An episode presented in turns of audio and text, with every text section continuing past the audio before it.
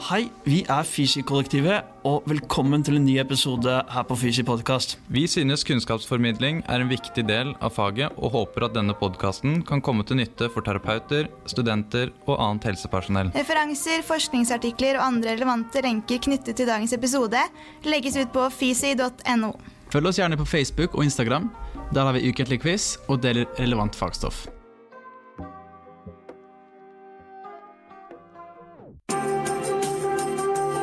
Fem, fire, tre, to, én. Hei, og takk for at du har tunet deg inn på Fysi podkast. I dag så sitter jeg her med Kari Bø, og jeg er jo nesten starstruck over å sitte i samme rom som eh, denne dama. Vi skal snakke om bekkenbunnstrening, og eh, hun er jo på mange måter en legende innenfor eh, både norsk fysioterapi, men også internasjonalt. Eh, jeg, jeg, tok og, og kom over en sånn oversikt over eh, ph.d.-disputaser i kronologisk rekkefølge.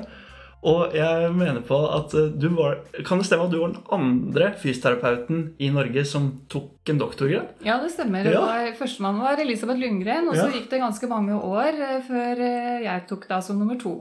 Ah, riktig, riktig. Ja, det, er, det er kult, og det sier litt om engasjementet til denne dama, da, tenker jeg. Men jeg er litt sånn nysgjerrig sånn Hvis vi tar det eh, tilbake til eh, der eh, fysioterapien startet for deg, da. Eh, hvor var det du studerte, og hvordan var studieperioden? Bare sånn kort om det. Jeg studerte i Oslo, som det da Oslo fysioterapiskole, Ja. som det het da. Det var en toårig utdanning pluss eh, turnus Mm. etterpå. Eh, Men jeg kom inn både på NIH og på fysioterapeutdanningen rett etter artium. Ja. Og da husker jeg snakket med Mette Sveran, som var rektor. Hun sa nei, da du er så ung, bare ta et år på idrettshøyskolen først. Det er bare fint at vi får personer med litt erfaring som kommer hit. og, og da begynte jeg her på NIH. Eh, og det har nok betydd ekstremt mye for meg eh, for å være fysioterapeut seinere. For jeg tok jo da grunnfag på idrettshøyskolen, og så tok jeg fysioterapiutdanningen. Og da må jeg si jeg var veldig Altså Det var fantastisk eh, utdanning i forhold til anatomi. Vi hadde Per Mm. Brodal som lærer i anatomi. Oh, ja. det ja. Det var helt fantastisk. Fysiologi, biokjemi, alle disse fagene rundt fysioterapien var veldig, veldig bra. Det var på Universitetet i Oslo med de beste lærerne, professorene der. Men når det kom til fysioterapifaget, altså selve utøvelsen av hvordan vi skulle anvende dette, så var jeg veldig, veldig skuffet over utdanningen. Fordi det var jo Dette var jo i 77. Ja, ja. Det er lenge siden. Og evidensgrunnlaget var jo ikke der. Eh, Men det var, kunne nok vært mye mer enn det som ble forelest på utdanningen. Eh, For jeg kom tross alt fra Norges idrettshøgskole, som var en vitenskapelig høyskole, og hvor alt var med referanser. Og det var det ingenting av i, i fysioterapi. Det var litt sånn at jeg hadde en pasient i fjor, og hun ble bra, og jeg gjorde sånn. Og, og det var Det hang veldig i lufta, syns jeg. Det var, det var rett og slett ikke bra. Fy søren. Ja. Så jeg, jeg rett tilbake jeg, Eller jeg begynte å jobbe som fysioterapeut, men samtidig så begynte jeg på idrettshøyskolen igjen og tok eh, eh, helselærer og idrettsbiologi, som det het eh, den gangen. Ja, Eh, og det var et fantastisk eh, studium. ja, ja. Det var utrolig bra. ja. Så det, det satte liksom min interesse for forebygging og, og, og trening som, eh, som eh, eh, middel da, Ja. til å, å få folk friske og holde seg friske. Eh, Så, så jeg vet ikke helt hva jeg ville gjort som fysioterapeut hvis jeg ikke hadde hatt den Mm. bakgrunnen fra NIH. Og så tok jeg jo hovedfag her på Mm. kroppsholdning, Mm. eh, historisk perspektiv. Det var et samarbeid med fysioterapiutdanningen med Mette Sveran og Norges idrettshøgskole. Så det var veldig spennende også å få liksom satt dette sammen, da. Og lærte veldig mye av det. Og så jobba jeg som fysioterapeut fire og et halvt år på Ahus. Eh, Og da søkte jeg om stipendiatstilling på NIH, Mm. eh, og, og fikk det eh, etter hvert. Men da, i løpet av den perioden jeg var der, så var det en urolog som tok tok kontakt med eh, fysioterapiavdelingen. Ja, ja. Eh, Og, og sa at eh, du Kari, du har jo hovedfag, du kan jo ta en doktorgrad, så hvorfor ikke gjøre det på bekkenbunnstrening? Ja, dæven. Og jeg hadde ikke tenkt på det. Jeg tenkte jeg skulle gjøre noe på nakke-skulder og, Ja. og trening i sal på en måte til det. da. Mm. Eh, og så ble jeg gravid samtidig, og, og så tenkte jeg hm, dette området her, Mm. det er virkelig noe som trengs forskning på, som er spennende, og som på en måte påvirker kvinners liv. Altså, forskningen er jo helt fra sånn mikrobiologi, forstå celler, Mm. altså er det type 1, type 2-fibre, hva har vi, hva er det med østrogener i dette området? Det er helt sånn på mikro, Mm. og helt opp til livskvalitet. Altså Kvinner kan ikke trene fordi de har urinlekkasje eller underlivsprolaps. Mm. Og det er jo Vi vet at trening og fysisk aktivitet er viktig gjennom hele livet for at vi skal holde oss friske, og ikke minst mentalt oppegående. Så jeg tenker at det har så stor betydning for kvinners helse. Ja. Og da var jeg på en måte helt fanget av det feltet. Jeg syns det var så utrolig spennende og kjempeflott samarbeid med urologene da i begynnelsen, og etter hvert også gynekologene. Så det har vært eh, kjempeartig. Jeg, har hatt det, jeg har hatt det morsomt og spennende og utfordrende Ja. i 30 år. Wow! Det høres jo, det høres jo liksom ut som um, fysioterapien fanget deg, men det ble, ble et slags vakuum i i forhold til det at det ikke var uh, evidensbasert, mens uh, idrettshøyskolen på en måte matet deg litt med den kunnskapen for Ja. å kunne referere og kunne forstå forskning, Ja. og at dette da ultimate uh, møte med urologen eh, førte til doktorgrad. da. Ja, ja så det var Det er jo litt sånn Det, det er jo tilfeldig hva man velger. Jeg tror jeg kunne valgt sikkert ti andre felt som jeg var veldig opptatt av og interessert i, men jeg Ja. har ikke angret en dag på at det ble bekkenbunnen. Nei. Og mange tenker at det er så snevert og lite, men det er det virkelig ikke. Og Mm. fra den første konferansen jeg var på, så, så var det jo eh, et par hundre deltakere. Det husker jeg var i Bristol i, i England. Mm. Og da ble jeg liksom møtt med skikkelig den der engelske, britiske vitenskapen. Og det var Ja. kjempetøft. Og du vet hvordan det engelske parlamentet er. Hvordan de Ja. står og hyler til Ja, hverandre. Sånn var det på konferansen. Så det var jo, var jo livredd for å presentere. Eh, Men nå er det liksom 2000-3000. Og det er eh, konferanser innen rehabilitering, innen fysioterapi, innen gynekologi, urologi, eh, biomekanikk. Og så det er veldig flerfaglig. Ja. Eh, Jeg vil ikke si tverrfaglig, for det er flerfaglig. Vi er gode på hvert vårt felt, og Ja. det beriker dette feltet veldig. Og det er så mye å lære, og det er liksom det er helt ustoppelig. Og nå har det blitt så mange gode fysioterapeuter som forsker på dette også internasjonalt, så vi har et veldig, veldig godt eh, utgangspunkt for å kunne levere god praksis på det feltet. Det er ekstremt dyktige fysioterapeuter verden rundt som har tatt doktorgrad, og som nå etter hvert har blitt professorer og leder store prosjekter. Så det er veldig, veldig morsomt. Altså. Åh, dæven. Altså, ja, og så sitter vi her eh, med deg i dag, da, som eh, er eh, Ja, du er jo en eh, både internasjonalt og nasjonalt en eh, frontfigur for mye av dette med bekkenbunnstrening, og det er jo så stas. Eh, Og jeg tenker jo kanskje at hvis vi eh, med den introduksjonen der da, eh, går over til litt av tematikken vi skal på i dag, da. Ja. Eh, Så eh, bekkenbunnen. Eh, Når eh, jeg studerte fysioterapi, så var det ikke mye undervisning om eh, bekkenbunnen. Jeg vet ikke om vi i det hele tatt hadde noe eh, Vi hadde jo liksom kalle den eksterne anatomien rundt pelvis, men vi, hadde, vi visste at det var noen muskler inn, på innsiden av pelvis som kledde innsiden der, men det var aldri noe vi på en måte eh, så noe særlig på. Kan, kan, du, kan du fortelle oss hva, hva bekkenbunnen er? Eh, Ja, bekkenbunn omfatter egentlig både muskulatur og bindevev, nerver og blodårer som er i bunnen av eh, bekkenet. Og så inkluderer det også faktisk organene som hviler på og går igjennom bekkenbunn. Og det er jo blære, urinrør, Ja. som går igjennom i, i front. Og så er på kvinner så er det jo utrus eller livmor og skjede i, i midten. Og så har du jo da eh, endetarm eh, som kommer ned baktil. Men bekkenbunnen, be, musklene, de består av tre lag. Jeg diskuterer om det er tre lag, faktisk. Ja. men, men det øverste laget, det er der hvor du har de, altså det som er mest uh, kranialt. da. Mm. Eh, Det er der du har de største muskelmassene, som er levator ani-komplekset. Ja. Og under det så, så ligger det en sånn eh, tverrgående plate som man diskuterer om det er veldig lite muskelfiber egentlig, men kanskje mest bindevev. Men i Mhm. Ja. hvert fall så, så går det på tvers. Ja. Og så under der så har man eh, tre-fire muskler som ligger litt eh, Som ligger som en trekant på en måte, og som er det ytterste laget. Okay. Men det er jo ikke sånn at vi klarer Hvis jeg sier til deg Kan du nå kontrahere venstre bulbo cavernosus? så klarer verken du eller jeg å gjøre det. da, så det er på en måte en massebevegelse vi kan få til. Så når man trekker sammen bekkenbunnen, Ja. Eh, som jo er viktig å, å lære seg, så er Mm. det at man trekker sammen rundt åpningene, og så løftes hele denne platen opp og noe frem. Dette har vi målt med ultralyd, og du kan se det på Mm. Ja. MR også. Ja.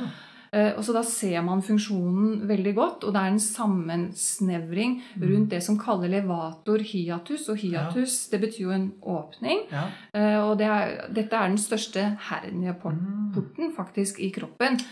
For mm, gjennom eh, bekkenbunnen -hmm. så er jo disse tre åpningene for kvinner og to for, for menn. Ja. Og dette er jo sånn sett et svakt område. Og det er sånn at når vi snakker om underlivsprolaps, så er det jo det at det faller forfra, altså fra blære og urinrør ned og inn mot skjeden. Ja. Bakfra med endetarmen, og også ovenfra med utrus ned og gjennom Ah. skjeden.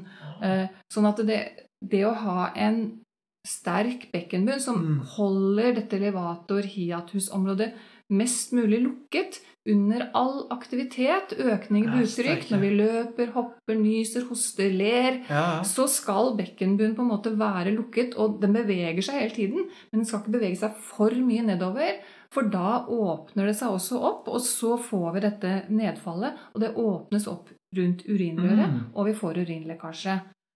Så dette burde man lært på Ja. fysioterapiutdanningen. Ja, Da jeg startet med, med min doktorgrad, så tenkte jeg også har jeg, har jeg lært om dette? og, og da gikk jeg tilbake til mine notater med Per Brodal. da. Ja, ja. Og vi hadde tegnet mange sider med bekkenbunn og alle Oi, lag. ja, nydelig, nydelig. Men jeg gikk heller ikke rundt og husket. Og jeg, altså her, å kunne navnet på alle disse musklene har jo heller ikke noe hensikt. Men, men å, å vite at her har vi en, en muskelplate Ja. som er ca. 1 cm tykk, og som kan trekke seg sammen og løfte opp. Og det er det vi kan gjøre volontært. Mm. Og, vi, og det kan vi bruke som behandling, for da Mm. kan vi be pasientene, hvis de klarer å gjøre dette riktig og hardt nok, Mm. så vil de kunne foran en hosting trekke sammen bekkenbunn, holde, og da vil dette trekke seg sammen, løfte seg opp og være på plass, og så hindrer du lekkasje. Veldig enkelt hvis man får det til. Får det til, Og hvis man gjør det hardt nok. Og det viser Ja. seg jo at det er mange kvinner som ikke klarer dette, også menn som ikke Mm. klarer å gjøre det. Mm. Men vi kan lære dem det. Vi har vist i mange studier at fysioterapeuter kan lære bort dette, og Ja. de lærer det jo ganske fort. Ja. Men ikke alle, dessverre. Ikke alle klarer å trekke sammen bekkenmunn. Vi vet ikke hvorfor. Det er jo en interessant problemstilling. At noen faktisk også trykker ned Mm. istedenfor å løfte opp. Og da kan du tenke deg at det er akkurat samme som å hoste eller nyse. det, Eller løfte veldig tungt, og så få dette nedtrykket. Og da, hvis vi ikke har undersøkt pasienten, Mm. og pasienten tror, og vi tror, Mm. at hun eller han gjør det riktig, og så trykker de isteden, Mm. så, og så ber vi de om å gjøre det tre ganger åtte sammentrekninger eh, hver dag, Ja, ja. så kan vi jo påføre dem et underlivsprolaps. Sier du det? Ja. Dæven. Ja. Så det er jo veldig viktig at vi som fysioterapeuter da undersøker dette, og også forsikrer pasientene. For jeg har jo pasienter, de fleste av de sier når jeg spør ja, har du prøvd dette, ja, jeg har prøvd. Mm. Eh, tror du du får det til? Ja, jeg tror kanskje det, men jeg er ikke sikker. Det sier Mm. nesten alle. Mm. Og da er det at vi kommer inn som en veldig viktig faggruppe Mm. som kan undersøke ved både visuell observasjon Mm. utenifra, ved palpasjon ytterst i skjeden. Dette er Mm. ingenting i forhold til en GU-undersøkelse, som kvinner er vant til å ha, eller Ja. en urologisk undersøkelse, så dette tar de veldig fint. Det er Ja. fysioterapeutene som er redd for dette, Ja, sant. ikke pasienten. Ja. Eh, Eller du kan bruke ultralyd. Og ultralyd kan du bruke på suprapubisk. Og Ja. du kan bruke det også på perineum, og du kan også gå lenger inn i skjeden. Men vi bruker nesten alltid perineal ultralyd på de som er eh, voksne, eh, og vi kan gjøre det på. Og nå gjør vi studier på idrettsutøvere, unge gymnaster bl.a. Ja. Og da gjør vi det suprapubisk, sånn at det er helt skånsomt og ikke noe invasivt uh, i det. Men det er viktig at pasienten forstår hvordan det skal gjøres, og når de har forstått det eh, og vi kan liksom forsikre om at ja. ja, dette var riktig, veldig bra, Mm. men så sier vi nesten alltid 'men du må ta i mye hardere'. Ja, For ja. dette var veldig, veldig lite. Og da skjønner de hva trening er. Fordi at de, de har bare gått og knepet. Jeg bruker Mm. Aldri ordet knipetrening. Nei, For det er litt sånn derre Vift litt med armen, og du tror du trener biceps. Altså dette du må ta i. Og da får de en aha-opplevelse. Oi! Ja, det er dette jeg skal gjøre når jeg trener. Så fysioterapeuten er kjempeviktig i denne første Mm. forklaringen på hva det er, hvordan det virker, hva de skal gjøre, og undersøkelsen på at de virkelig får det til, og feedback på at de må ta i. Så vår rolle Mm. er veldig, veldig viktig. Ja, steike. Eh, Når du snakker om eh, gruppen som eh, trenger bekkenbunnstrening, så eh, Mm. får jeg inntrykk av at det er både unge og eldre. Når du nevner unge gymnaster som ja, må på matta knipe, og så kanskje eh, det skvetter litt, eller, eller Ja. de eldre også. Det er jo et ganske stort spekter her, da. Ja, det er det også som er så spennende med bekkenbunnstrening, for det er alt fra barn Ja. og opp til de aller eldste. Og det morsomme er jo eh, Vi er jo ikke veldig mange studier, men det har kommet jeg tror det er 12 eller 13 studier på den eldre befolkning. Dessverre så har de tatt med 60-åringer, og det, nå er jo jeg over 60 selv, så kan du ikke si at jeg føler meg gammel. Men, men, men det, altså, det, er ikke, det er ikke de aller eldste som har vært med, men de har også noen av de eldste. Og det er ingen grunn til å tro at ikke eldre kvinner kan lære dette og få det til. Og det, det fins eh, kasustikker på 90-åringer som har begynt å trene bekkenbunn. Ikke fikk det til i begynnelsen, Ja. men får det til og blir kvitt lekkasjen. Men der trenger vi store, gode, Mm. randomiserte, kontrollerte studier. Men dette er et spennende og veldig viktig Mm. forskningsfelt. Fordi det fører jo Dette er jo det som aller stør, i aller størst grad fører til at kvinner kommer på institusjon. Det er jo inkontinens. Mm. Så hvis man kan klare i et forebyggende, helsefremmende program for den eldre befolkning også inkludere bekkenbunnstrening, Mm. så ville det vært veldig veldig viktig i en sånn helsepolitikk da, Ja. eh, i et land. Men så har det, som du sier, helt ned til gymnastene. Nå har vi en undersøkelse som kom ut for to år siden med en av mine nye stipendiater nå. Mm. Eh, og det var på norske RG-gymnaster. Ja, ja. Eh, De var i gjennomsnitt alder 14 år, Mm. og 31,8 eh, oppga at de hadde urinlekkasje. Og, og de lekker da under aktivitet. Mm. Noen av de også under hosting og nysing. Eh, Og det er over 70% av de som sier at det påvirker idrettsprestasjonen. Mm.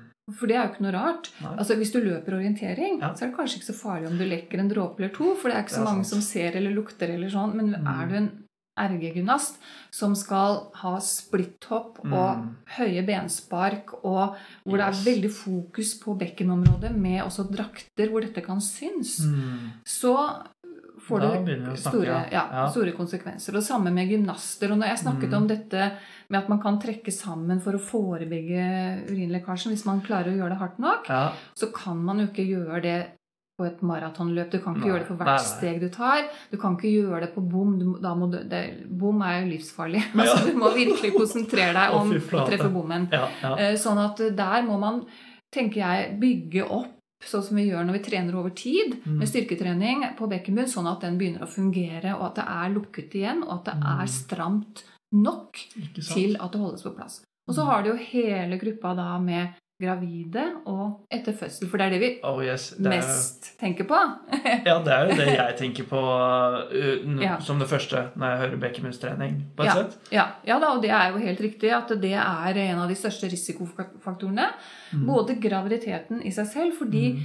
Heldigvis så åpnes jo dette levator hiatus her. Det har vi jo målt på våre studier på Ahus. Ja, ja. Eh, Den, den åpner seg opp, og det er jo veldig bra når vi skal føde vaginalt. At Absolutt. det blir løsere, både bindevevet og muskulaturen, sånn at barnet kommer igjennom.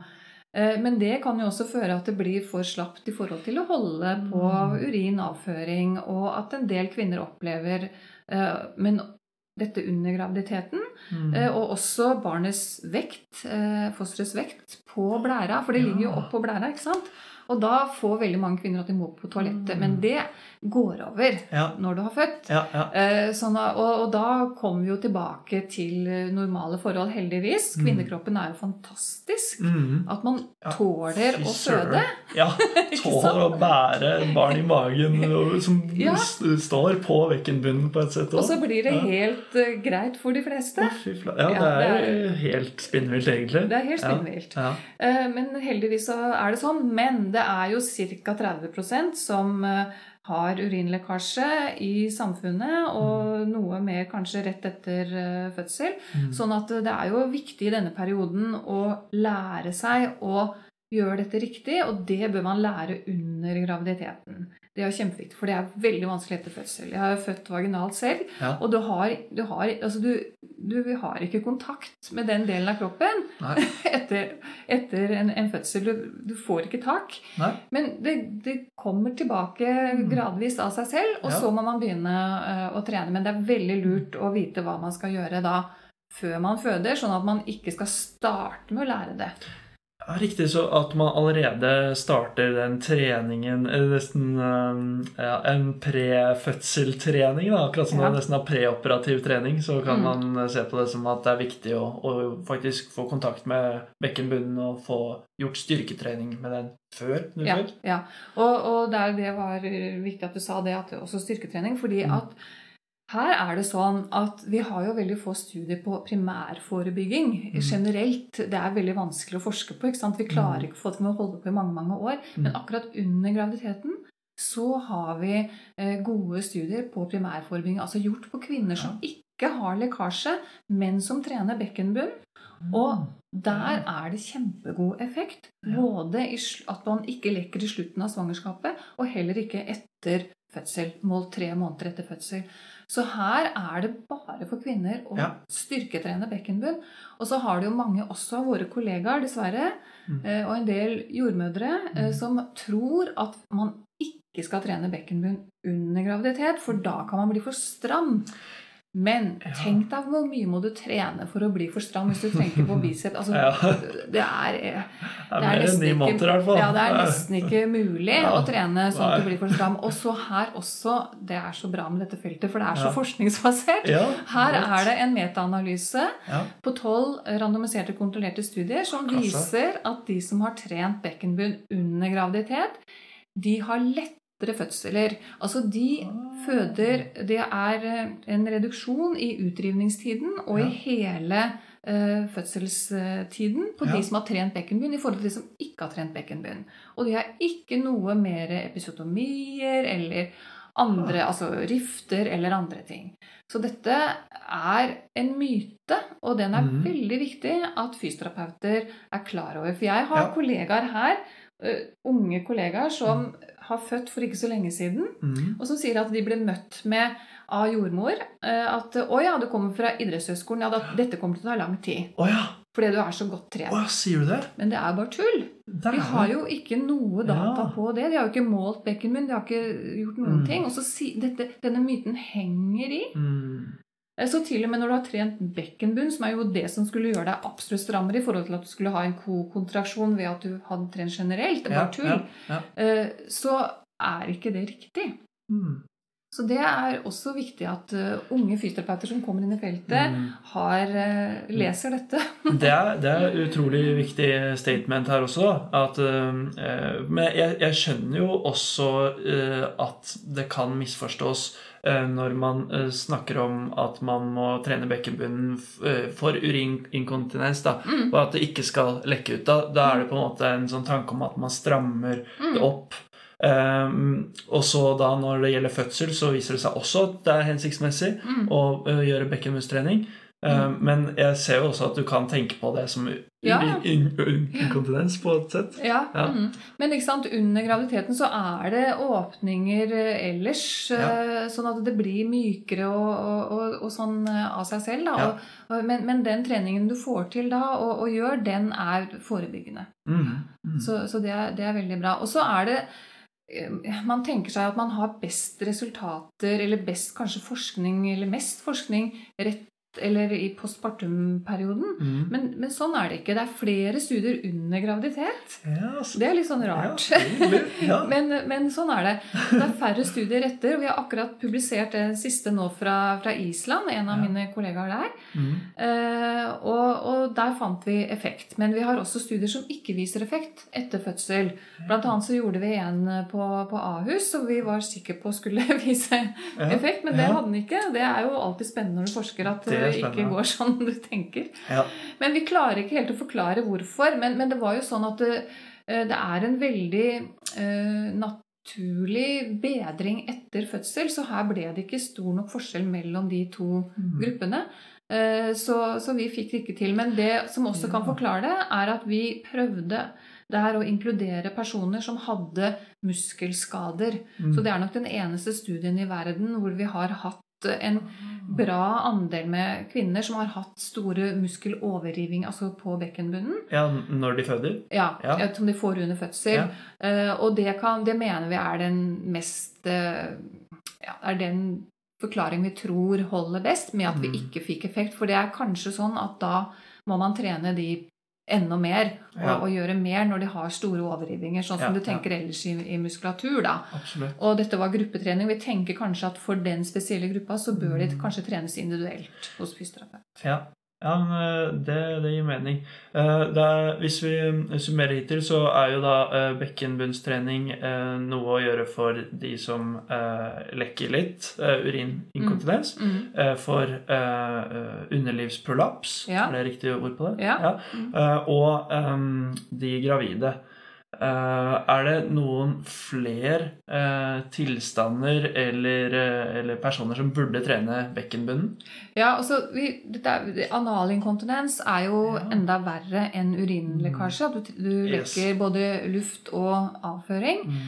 og Der har vi heller ikke nok studier til å konkludere og si at det er veldig god effekt. Men no, altså, noen Mm. studier viser effekt, men ikke så overbevisende som det er på urinlekkasje. Så der trenger vi absolutt flere studier. Ja. Men, men, men det er jo sånn nå at man mener at, de skal prøve med bekkenbunnstrening også på analinkontinens. For det er Ja. jo de samme musklene. Men du kan Ja. si hvis du har en, en skade i analsvinkter, Mm. så, så er jo ikke det bekkenbunnen. Bekkenbunnen ligger jo rundt og kan kanskje kompensere noe, men det kan være en alvorligere tilstand. Mm. Så, så der er vi ikke så sikre.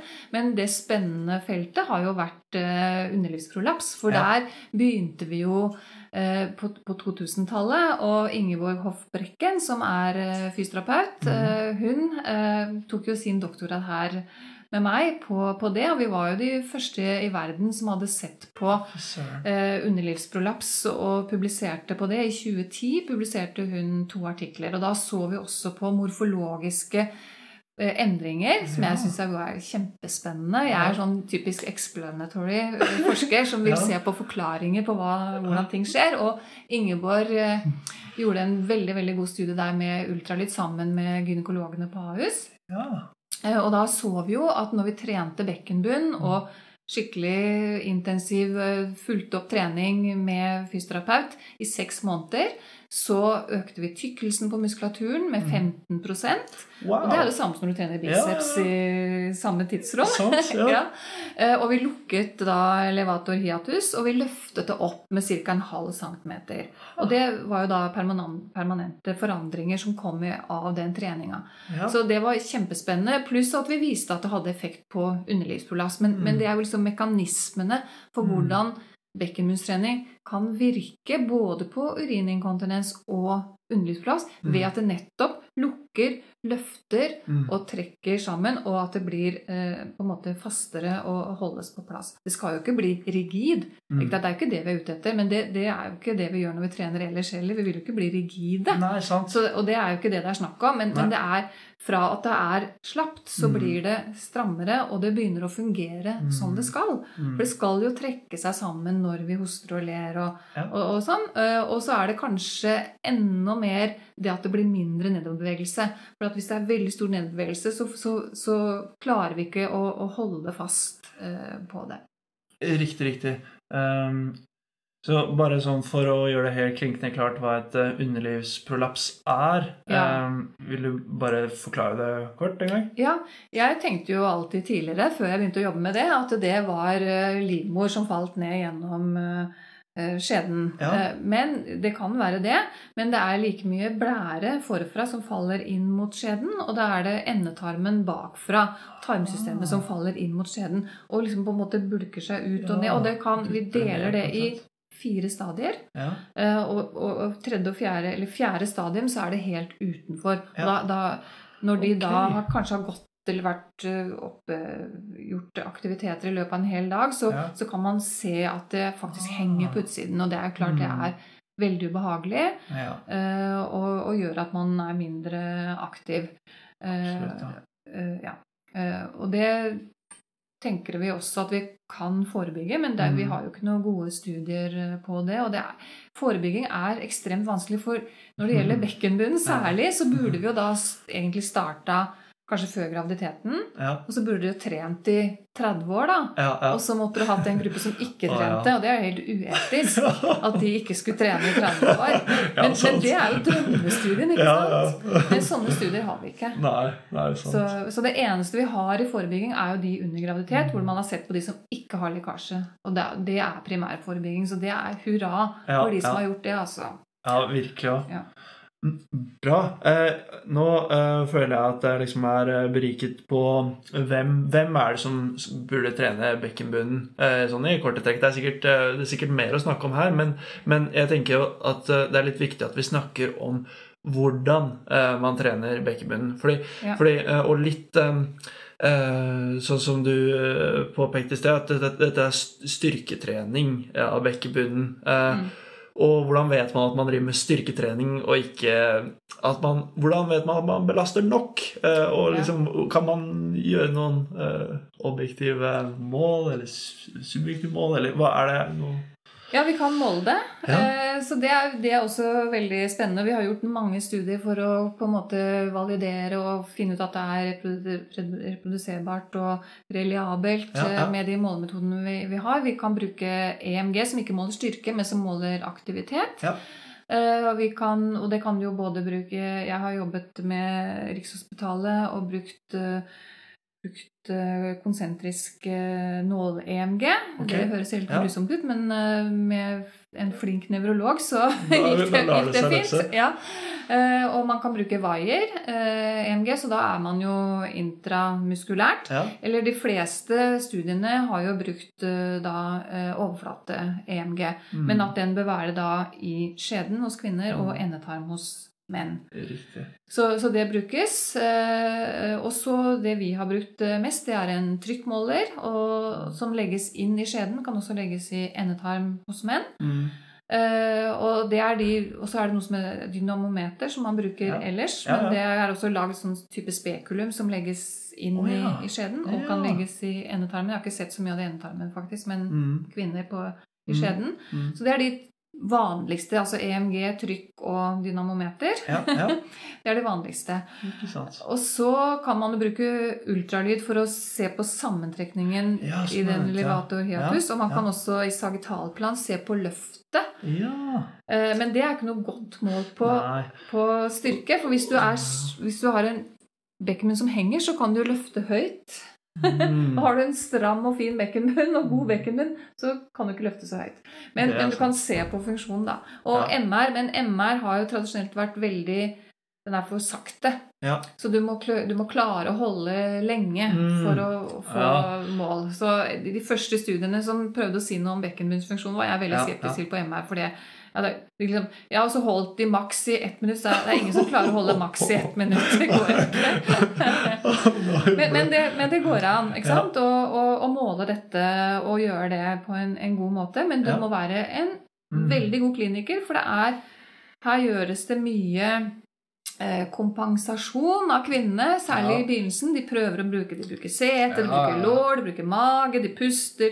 Alt dette påvirker særlig trykkmålingene, men også EMG. Og du kan tenke deg EMG i dette området hvor du har alle utadrotatorene, mavemusklene, alt dette som ligger så tett inn mot Mm. bekkenbunn. Mm. Det er, der får du crosstalk. Ja. Så her må man være god kliniker. Man, må man må undervise, og så må man på en måte observere hele tiden og gi Mm. feedback eh, og være veldig, veldig nøye når man gjør eh, undersøkelsene. Men, men det går fint. Ja, eh, men eh, jeg får jo en sånn eh, feeling på at dette er noe spesialister på et sett gjør, da. Ja. Det er jo ikke sånn at jeg på noen måte hadde vært komfortabel med uten å ha gått et, et utdanningsløp og skulle gjøre noen sånn undersøkelse whatsoever. Nei, Fordi det skal man ikke heller, sånn etisk sett. ikke Nei, sant? Fordi at det er det området i kroppen, så man må jo være veldig var og oppmerksom på hva man eh, driver med i dette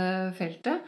Eh, Mhm. Og vi har jo et kurs som jeg har holdt eh, for NFF helt siden jeg disputerte. Mm. Og dessverre nå har vi to år på etterskudd, eller kanskje tre pga. Koronaen og, og, og sånn. Så nå tror jeg det var over 60 påmeldt, og det var jo kjempefint. Ja. Og vi ønsker å få absolutt mange mange flere fysioterapeuter som er eh, kapable til å jobbe med dette. Ja, ja. Men der har vi jo lagt inn eh, at vi har også en praksisbit Mm, eh, mm. på dette. Men ellers så vil jeg jo anbefale alle fysioterapeuter, hvis man ikke får tatt det kurset, at man hospiterer hos andre fysioterapeuter Mm. som, som kan dette, og som gjør disse undersøkelsene, sånn at man lærer på en god måte Mm. av en erfaren fysioterapeut. Eh, Og også kan være med gynekologer. De Mm. er også opptatt av at det skal bli flere fysioterapeuter på feltet. Så spørre gynekologer om de kan få være med og, og se på hva de gjør, og, og liksom bli kjent med det området. For det er jo ikke tvil om at det er et vanskelig Mm. Område å nærme seg. Jeg var Mm. livredd Mm. første gangen jeg skulle undersøke en pasient. Ja, fy flate. Jeg hadde jo ingen som hadde instruert meg før. Jeg hadde bare Ja. vært i Sverige hos noen fysioterapeuter og sa du, du, du måste palpere. Og jeg tenkte kjære vene, må jeg det? Men det, ja, det må Ja. man faktisk. Ja, ja. Mm, Det er jo, det er jo viktig. mm, Men da, da er det jo så sånn eh, Hos spesialisten, og du får, får um, gjort personen på en god måte. Mm. Eh, men eh, jeg vet ikke om det er noe mer å føye til eh, du, eller, du har sikkert masse å føye til på, på disse tingene, men, men for den allmenne fysioterapeut som ikke har noe eh, spesialistutdannelse eller noe videreutdanning innenfor dette her, Mm. eh, og som kommer inn og skal vurdere om bekkenbunnstrening er aktuelt, eh, er det noe man kan liksom eh, høre etter på eller, eller undersøke eller finne ut av for å finne ut om dette er indikert? Uh, ja, altså man må ha pasienten avkledd da, egentlig for å se det. For det, det man gjør først, er å observere for å se om det er en innoverbevegelse. Det kan du se utenifra. Og da trenger man jo ikke å ta på pasienten, men man må jo ha pasienten eh, avkledd. Det er det første, og så går man inn og palperer. Og, og det er bare ytre tredjedel av skjeden man, man gjør det på. Men det er ikke noen annen måte egentlig å enn at man, hvis man ikke vil og ikke kan uh, gjøre det Og jeg syns jo for så vidt ikke man skal gjøre det uten at man har fått noe opplæring i det heller. Så, så må man bare prøve å forklare det. Bruke tegninger, bruke et bekken. Forklare med hendene hvor bekkenbunnen er, hvordan det virker. Mm. Og så eh, prøve å instruere pasienten i eh, å gjøre det riktig. Og det man kan si, da, det er at hvis man er på toalettet og prøver ikke å stanse strålen når det renner som det verst på verst, for Mhm. da må du egentlig ha en ganske sterk bekkenbunn, Ja. men på slutten, når det drypper litt, ja. at du da prøver å stoppe den dryppingen, sånn som vi gjør hvis vi er ute i skogen og tisser ute. Da bruker vi jo bekkenbunn. Etterpå. Ja. Og hvis pasienten da sier at ja, det klarte jeg, Mm. da har du brukt bekkenbunn. For det er ikke noen annen måte du har klart det på enn å bruke bekkenbunn. Så det er en, en test som man kan, Ja. kan eh, gjøre. Mm. Men du, du sa også dette med hvordan skulle de trene? For nå sa vi bare ja. undersøkelsen. Og det, det første er på en måte sånn at man leter, finner, kontrollerer og, og klarer å gjøre dette. Det er første og veldig veldig viktige delen av fysioterapi. Mm. Eh, behandlingen i dette er denne første delen. Som vi, kan- vi bruker lang tid på å forklare og, og gjøre dette på en ordentlig måte til pasienten. Mm. Og, og det syns jeg sånn Jeg har jo reist verden rundt og, og mm. snakket med mange fysioterapeuter. Jeg syns de, de er flinke på dette rundt omkring i verden. Dette gjør de ordentlig. Ja. Men de trener det ikke. For da, da bare Mm. Ja, men så tror de at pasientene Mhm. da bare går hjem og gjør dette. Men sånn er det jo ikke. Og da kommer det viktige punktet, som er det mitt fjerde punkt, og Ja. det er nå skal vi trene. Nå kommer styrketreningen. Ja. For det, hvis du da klarer å gjøre det riktig, så kan du begynne å gjøre dette før du hoster og før du nyser. Da får du jo kanskje en effekt av det, og det er Mm. kjempebra. Men den effekten som vi fant da på morfologien, da Mm. må du jo trene. Mm. Og da er det jo helt vanlig styrketrening. Vi følger eh, American Cultural Sport Medicines anbefalinger for styrketrening, som er tre eh, serier med 8 til 12 Ja. mot maks eh, sammentrekninger. Ja. Og i bekkenbunnsverden så har alle studiene gjort dette hver dag. Eh, anbefalingene for styrketrening ellers er tre til fire ganger i uka. Men det er ingen som har turt å, å liksom slippe pasientene, for vi ønsker å se om det er noen effekt. Ja. så, så og jeg, jeg tenker at eh, hvis du gjør dette eh, med supervisjon, altså hos Mm. en fysioterapeut, og kan få til det tre ganger i, i uka, og gjør Mm. det, så holder det sikkert å Ja. gjøre det. Og det er denne ene studien som er gjort blant flere da, i forebygging under graviditet i Mm. Spania av eh, Ruben Barracat Ja. eh, i Madrid. Det var en fantastisk eh, studie, for der, det var jo også ikke gjort av fysioterapeuter, så det er mange som ikke liker den studien. Ja. For der hadde de ikke palpasjon og ikke noe undersøkelse i forkant. Men, Mm. og jeg har vært der og sett på treninga deres, de, de kommer på dette universitetssykehuset Ja. og trener tre ganger i uka, og de gjør det hver gang. Det var Ja. ikke noe sofistikert trening. De satt på, på bobatballer, og så Ja. trente de bekkenbunn i ti minutter. Men de gjorde det hver gang, tre ganger i uka, og fikk veldig god effekt av det. Jeg pleier alltid å si kanskje effekten har vært enda bedre hvis de hadde undersøkt. Mm. Eh, For vi vet jo ikke om alle de kvinnene gjorde det riktig eller ikke. Mm. Men de var flinke til å forklare det, og de brukte disse eksemplene med ikke sant, prøve når du stanser på slutten av vannlatning osv. Så, videre. så Mm. de, de gjorde det beste de kunne uten å palpere, Mm. og hadde en effektstørrelse på 0,8 som er kjempebra. Ja. Så, så, så det, det går an. Og, og jeg tenker at man skal ikke jeg har jo blitt spurt, også av Per, Brodal faktisk, men Ja. Kari, vil du virkelig si at man skal gjøre dette i en vanlig treningstime når du vet at man må undersøke det? Ja. Og så tenker jeg at eh, hvis det er sånn at eh, 30% kanskje ikke får det til første gang, Ja. da er det 70% som kanskje får det til. Ja. Og da tenker jeg at man må i hvert fall prøve. Og jeg tror at det er bedre å, å snakke om det og prøve å forklare det og gjøre den treninga, Mm. enn at man ikke gjør det. Mm.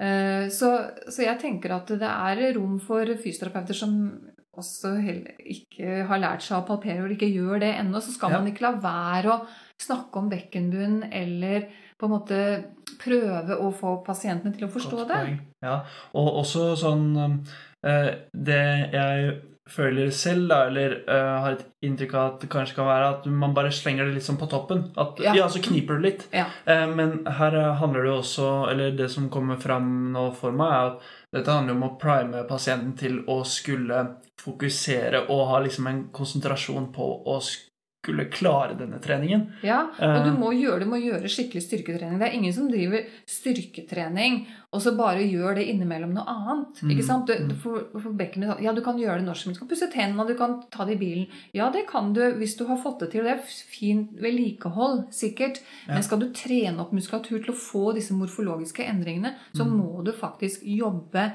eh, og prøve å få tak i de musklene det gjelder, og jobbe hardt og Ja. intenst.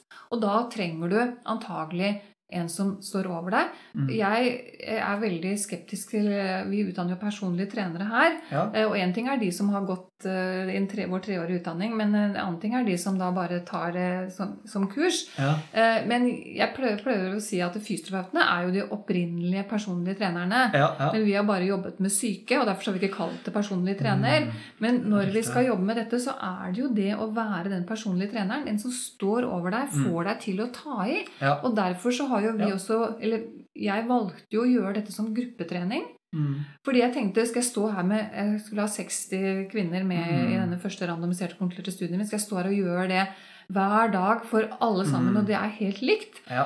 Og så etter en individuell undersøkelse og alt dette forklaring og undervisning, Ja. så er det rett inn i gruppe, og så gjør man dette som gruppetrening. Ja. Hvordan, hvordan øhm, instruerer du i hvordan, øh, liksom Hvis jeg skal få kontakt med bekkenbunnen min, hvor, hvor, hvor lenge holder jeg? Hva, hvordan, hvordan legger du fram dette? Ja, da sier jeg at du skal Hvis jeg skal si det til deg nå, Ja. tenker vi at du har lært det, og jeg vet at du gjør det riktig. Ja, ja. og så skal du trene. Og da, da sier jeg nå ta, Kjenn etter nå hvor Ja. du har bekkenbunnen din. Så Mhm. trekker du opp, drar sammen, løfter innover alt du kan. Kom igjen! Enda mer! Hardere! Ta i! Der, Opp! ja. Hold der! Ikke gi deg! Hold! ja. Og Det slipp. veldig bra. Og jeg Så- klarer ikke å, å instruere det uten å si det, gjøre det sjøl. Ja, ja, det er veldig bra.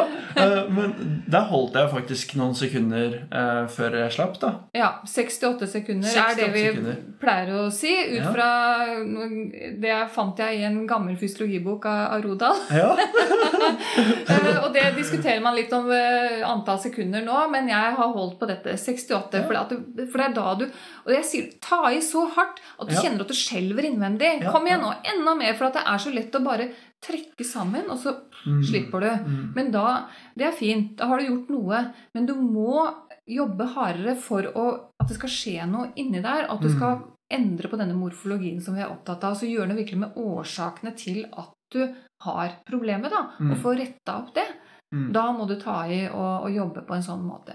Men når det er sagt, så har vi jo veldig få studier som sammenligner ulike treningsprinsipper, f.eks. tre ganger i uka mot eh, fem dager i uka, holdetid på seks sekunder mot 20 sekunder altså det, Ja. Vi har ikke den type studier, så jeg kan ikke sitte og si at dette programmet er det eneste i verden nei. Som, som hjelper. Men vi har i hvert fall funnet ut at dette hjelper. Mm. For det har vi studier på. Mhm. Ja, Og vi har det på- ja. På menn, vi har det på gravide, vi har det på etterfødsel, vi har det på vanlig befolkning. Mm. Sånn at eh, Og, og Cochrane-reviewene på dette, der er det jo Det er jo styrketrening som har vært brukt i de studiene som danner grunnlaget for at vi skal Mm. gjøre denne treninga effektivt. Og det bringer oss over på at eh, det er jo ikke alle fysioterapeuter eller sykepleiere, leger, eh, andre trenere i feltet som på en måte tar til seg at det er faktisk styrketrening som har Mm. vært det som har vist effekten. Så jeg er litt sånn litt sånn lei på en måte av at det er så mange også av våre kollegaer som har lyst til å gjøre noe annet. Ja. Altså, det, det bekymrer meg. fordi at eh, hva betyr det å jobbe evidence-based? Jo, når man har evidens for noe, så er det Mm. faktisk de treningsprotokollene, de intervensjonene man skal bruke i praksis. Mm. Og jeg ville vært lykkelig hvis jeg som ung fysioterapeut skulle jobbe på et felt, og så var det, det var metaanalyser. Ja, ja. Det var Cochrane-reviewer som sa Mm. dette er første behandlingstilbud. Mm. Her er protokollene.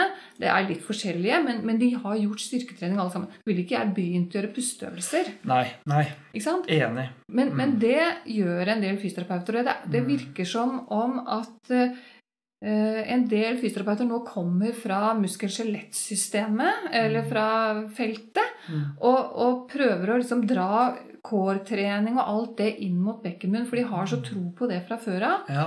Eh, Men vi har jo skrevet også oversiktsartikler og annet og forhold til det. Det er ikke Mm. noen grunn til at du skal trene transversus for å trene bekkenbunn. Nei. Det Nei. er, altså, når, du trans, når du trekker sammen transversus, dette har vi også undersøkt med ultralyd, Mm. så for noen så åpner faktisk levator hiatus seg. Ah, ja. Og det Ja. senkes ned. Altså motsatt av det vi Mm. vil. Mm. Eh, ikke på alle, eh, men hvis du sammenligner sammentrekningen av, av bekkenbunnsmuskulaturen med det du får av effekt hvis du bruker transversus, så er transversus det er minimalt. Ja. Det er ingen grunn til å bruke transversus istedenfor bekkenbunn når du skal trene. Mm. Så sier noen at jo, men hvis ikke de får det til, hva skal vi gjøre da? Mm. Og det er et veldig godt spørsmål, for det er vanskelig, særlig med de som trykker. Mm. Der har jeg veldig dårlig råd å gi. Jeg har ingen Ja, råd, for det, ja. det er den vanskeligste gruppa. Jeg vet ikke Mm. hva som gjør det. At de Når du har, sier trykker, hva mener du? Det skyver ned. i sted- Ja. Akkurat som du sitter på toalettet og skal ha avføring, så presser de ned. akkurat som det, Jeg tenker at det er det man tenker på Ah, når det gjelder bekkenbunn. Ja, ja. Og da øker det jo buktrykket og kan jo skade bekkenbunn mer enn du gjør ellers. Mm. Men å få snudd det er veldig vanskelig. De som trykker istedenfor å løfte opp og inn. Men så er det alle de som bruker andre muskler Ja. i isteden. Og, og det kan vi, vi få bort og få de til å trene bekkenbunn eh, og gjøre det. ja. Men, men det å bruke andre muskler, altså prøve å få sånn koaktivering, det, Mhm. det har veldig lite for seg. Vi gjorde en studie på, i New Zealand for noen år siden hvor vi har publisert på det og prøvd med alle mulige andre muskler med et måleapparat som måler både buktrykk og responsen fra bekkenbunn.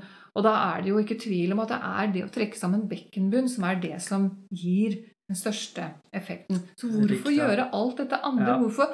Altså man bruker, det, er ikke, det ikke det at det kanskje er så farlig, Mm. men du bruker pasientens tid og penger og Mm. din egen tid ja, ja. på å gjøre veldig mye annet. Jeg, jeg var i Australia for noen år siden, eh, på universitetet i Melbourne. Mhm. Og da fikk jeg være med rundt på forskjellige sykehus og klinikker og sånn. Og, Mm. og generelt så er jo fysioterapeuter kjempedyktige. Men jeg, jeg var i, i en sånn privat klinikk, og hun hadde 30 minutter med en pasient som hadde stressinkontinens. Og det er jo der vi har best effekt. Altså Ja. de som lekker under hosting, nysing, øking i buktrykk. Ja.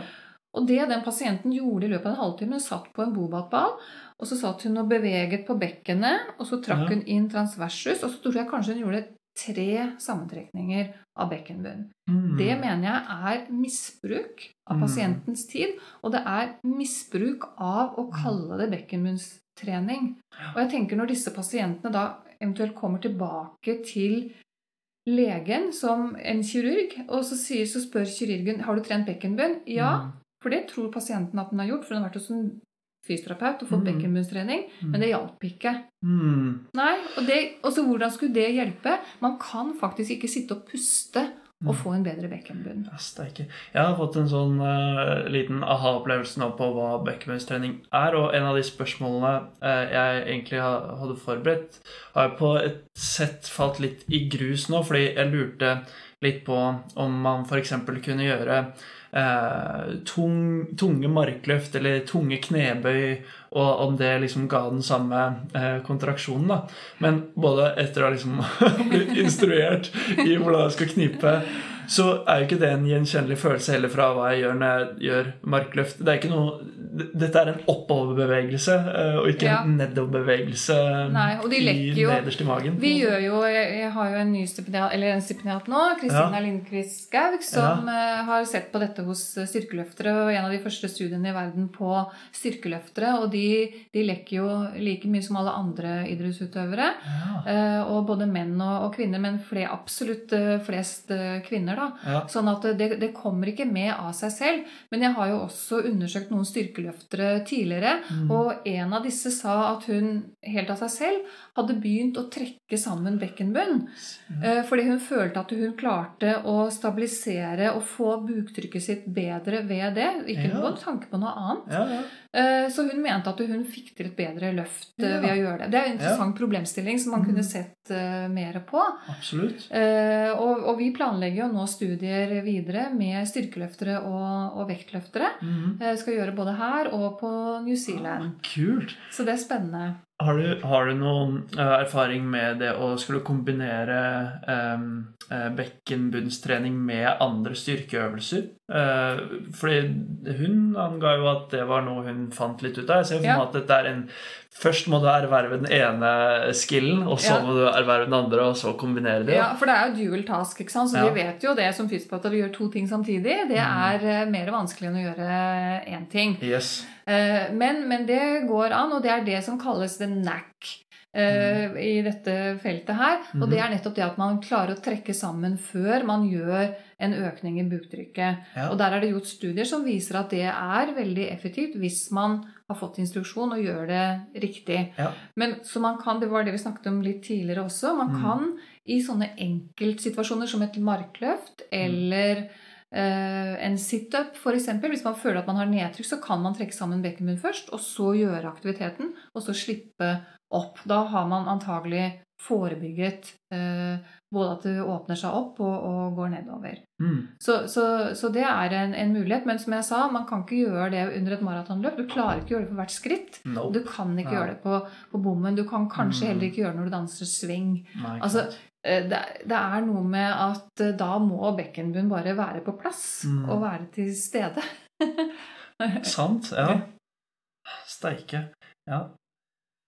Eh, er, det, er det noen ting vi burde eh, si om bekkenbunnstrening eh, før vi går over og runder av denne episoden? Jeg har så lyst til å egentlig snakke med deg hele dagen, fordi det er jo, det er jo masse, eh, masse å prate om. Ja. Men jeg ser jo også at eh, episoden begynner å gå mot eh, sin slutt tidsmessig. Eh, er det noe viktig sånn take home Hvis det skal være noe take home message eller noe å legge til på slutten? Forhold til eh, Jeg tror Take home message er at man må gjøre dette ordentlig, og at det er styrketrening. Det er ikke noen sånn knip, mm -hmm. knipøvelser som bare gjøres eh, hist og her. Det er ganske vanskelig å lære seg det, men når man har lært det, så, så har man liksom fått til en, en ferdighet. Og så må man trene og gjøre dette på en ordentlig måte, og fysioterapeutene er ekstremt viktige i Mm. dette feltet. Og jeg håper at veldig mange unge, nye, uh, utdanna eh, fysioterapeuter mm, eh, tenner på dette med å jobbe med kvinners helse og, Ja. og med bekkenbunn, for vi trenger dere. mm. Det er etterspurt. Gynekologer, urologer, allmennpraktiserende leger spør etter fysioterapeuter som kan drive med dette, og vi er altfor få Yes. som driver med det. Mm. Godt, eh, godt sagt eh, på slutten her. Det er jo eh, Vi har en sånn Vi lager et innlegg på fysio.no der Ja. det er liksom beskrivelse om hva som er i episoden, og et bilde av, av deg. Og så har vi også liksom lenker og litteratur som for den engasjerte lytteren kan liksom grave seg enda mer ned i materie. Ja. Er, det, er det noe umiddelbart du tenker er viktig at vi legger til noe litteratur som legges til i den lista? Engasjert lytter? Eh, ja, altså hvis man søker på meg, så kan du jo se på det. Jeg hadde en uh, sånn invitert artikkel i det tidligere australske, men som heter Journal of Physiotherapy, som er en Ja. veldig high impact, kjempegod tidsskrift fra våre gode kolleger i Australia, ved Pedro-databasen der. Ja, ja, ja. Eh, Så den kom vel ut i 2020, eller 2019 eller 2020. Mhm. Eh, Så, så den kan man eh, finne der. Så hvis man bare le- leiter på meg på PubMed, så finner man den. Og så hadde vi, jeg og en som heter Ingrid Nygaard, som er gynekolog, professor i USA, en artikkel om eh, idrettsutøvere, eller Is physical activity good or bad for the pelvic floor? ja, ja. Eh, og den, de to eh, sammen tenker jeg kan, kan gi et bra inntrykk eh, av feltet, med, med Ja. gode referanser. Og så har man jo Cochrane-reviewene på dette, hvor det er mange Cochrane-reviewer. -hmm. så, så det er gode steder å, å, å begynne. Kjempebra. Da legger jeg i hvert fall til linker av de to studiene eh, som du nevnte først eh, der. Ja. Og så har vi jo Cochrane-reviewene hvis du virkelig skal eh, Ja. kose deg med Ja. bekkenbunnstreningslitteraturen. Ja, nydelig. Kjempebra. Um, ok, eh, aller, aller sist så jeg tror det er mange studenter og for så vidt nyutdannede fysioterapeuter, fysioterapeuter, helsepersonell som hører på denne podkasten. Er det liksom sånn, har du noen sånne bare generelle sånn uh, råd for uh, hva, hvordan man skal uh, finne, finne veien videre, eller skjønner du hvor jeg vil? Har du noen sånn, sånn tips til hvordan man burde gå fram i yrket for å liksom jobbe godt og, og, og bra og etisk og forskningsbasert? Og jeg vet ikke Jeg tror at det er det viktigste, i hvert fall vi prøver å lære våre studenter. Du skal akkurat begynne nå med masterutdanning på metode. Så er det jo å være kritisk. Men ikke negativ kritisk, men at man Mm. hele tiden stiller spørsmål har du noe data på dette? Eller Mm. altså, hvor har du det fra? Eller, og, og litt sånn Kan dette stemme? Altså, Kan bekkenbunn virke på den måten? Er det mulig at pusten kan gi samme effekt som å trekke sammen? Altså, Mm. stille disse spørsmålene som ikke behøver å være eh, så negativt spurt, kanskje, men, men i Mm. hvert fall at man, man eh, ikke tar altfor god fisk. For det er Mm. altfor lett å blogge og skrive og holde Podcaste på. og- ja, podkaste. ja, men det er flott at vi, Ja. kan gjøre det. Ja, Men, men, men, eh, men vi vet at det er ikke noe kvalitetssikring Sant. av dette. Så vi må være mye mye mer skeptiske nå enn det vi var før. For da, da tok det, alt tok mye lengre tid tidligere. Men det vi fikk, det var i hvert fall kanskje eh, gått gjennom en kvalitetssikring, da. Som det er når du, du publiserer stort sett. Men nå, blir det, nå har vi disse røvertidsskriftene også som kommer opp. Så nå kan jo hvem som helst også publisere, bare man betaler for seg Ja. med dette open access-systemet. Og det er jo den negative siden av det. Så det, jeg skjønner at studenter og unge fagutøvere nå Det er veldig vanskelig for dere. For skal dere, skal, hvem skal dere tro på? Mm. Eh, Men, men da må man på en måte klare å opparbeide den der sunne skepsisen Mm. selv, da. Med at man stiller de spørsmålene Ja, hvor har du det fra? Hvordan er det undersøkt? Var det noen kontrollgruppe på det? Eller er det bare noe du sier? Mm. Og, det, og det kan jo være sant, det man sier òg, men det er, det man, vi, Mm. vi må passe på at det blir undersøkt. Ja. Og ofte når vi undersøker ting, så er ting ikke helt sånn som vi trodde. Jeg var veldig skuffet da jeg hadde 60% som ble bra av Beckham-utredning. Jeg var sikker på Ja. at alle skulle bli bra. Og Ja. legene sa 'Å, dette er fantastisk', og jeg var så skuffet. Så det er noe med at vi Ja. har veldig sånn tro på Mm. det vi gjør, da. Ja. Og når vi undersøker det, så er det kanskje ikke, ikke så bra. ja. Ingenting som er så bra som man tror i klinikken når man får det inn i en randomisert kontrollert studie, og får blinda eh, forskere som undersøker. Godt poeng, og et fantastisk sted eh, ender på episoden, tenker jeg. Eh, veldig bra. Eh, tusen takk for at du var med på podkast, Kari. Eh, veldig glad for det. Så håper jeg dere kjære lyttere på andre siden av mikrofonen der også har lært like mye som meg i dag.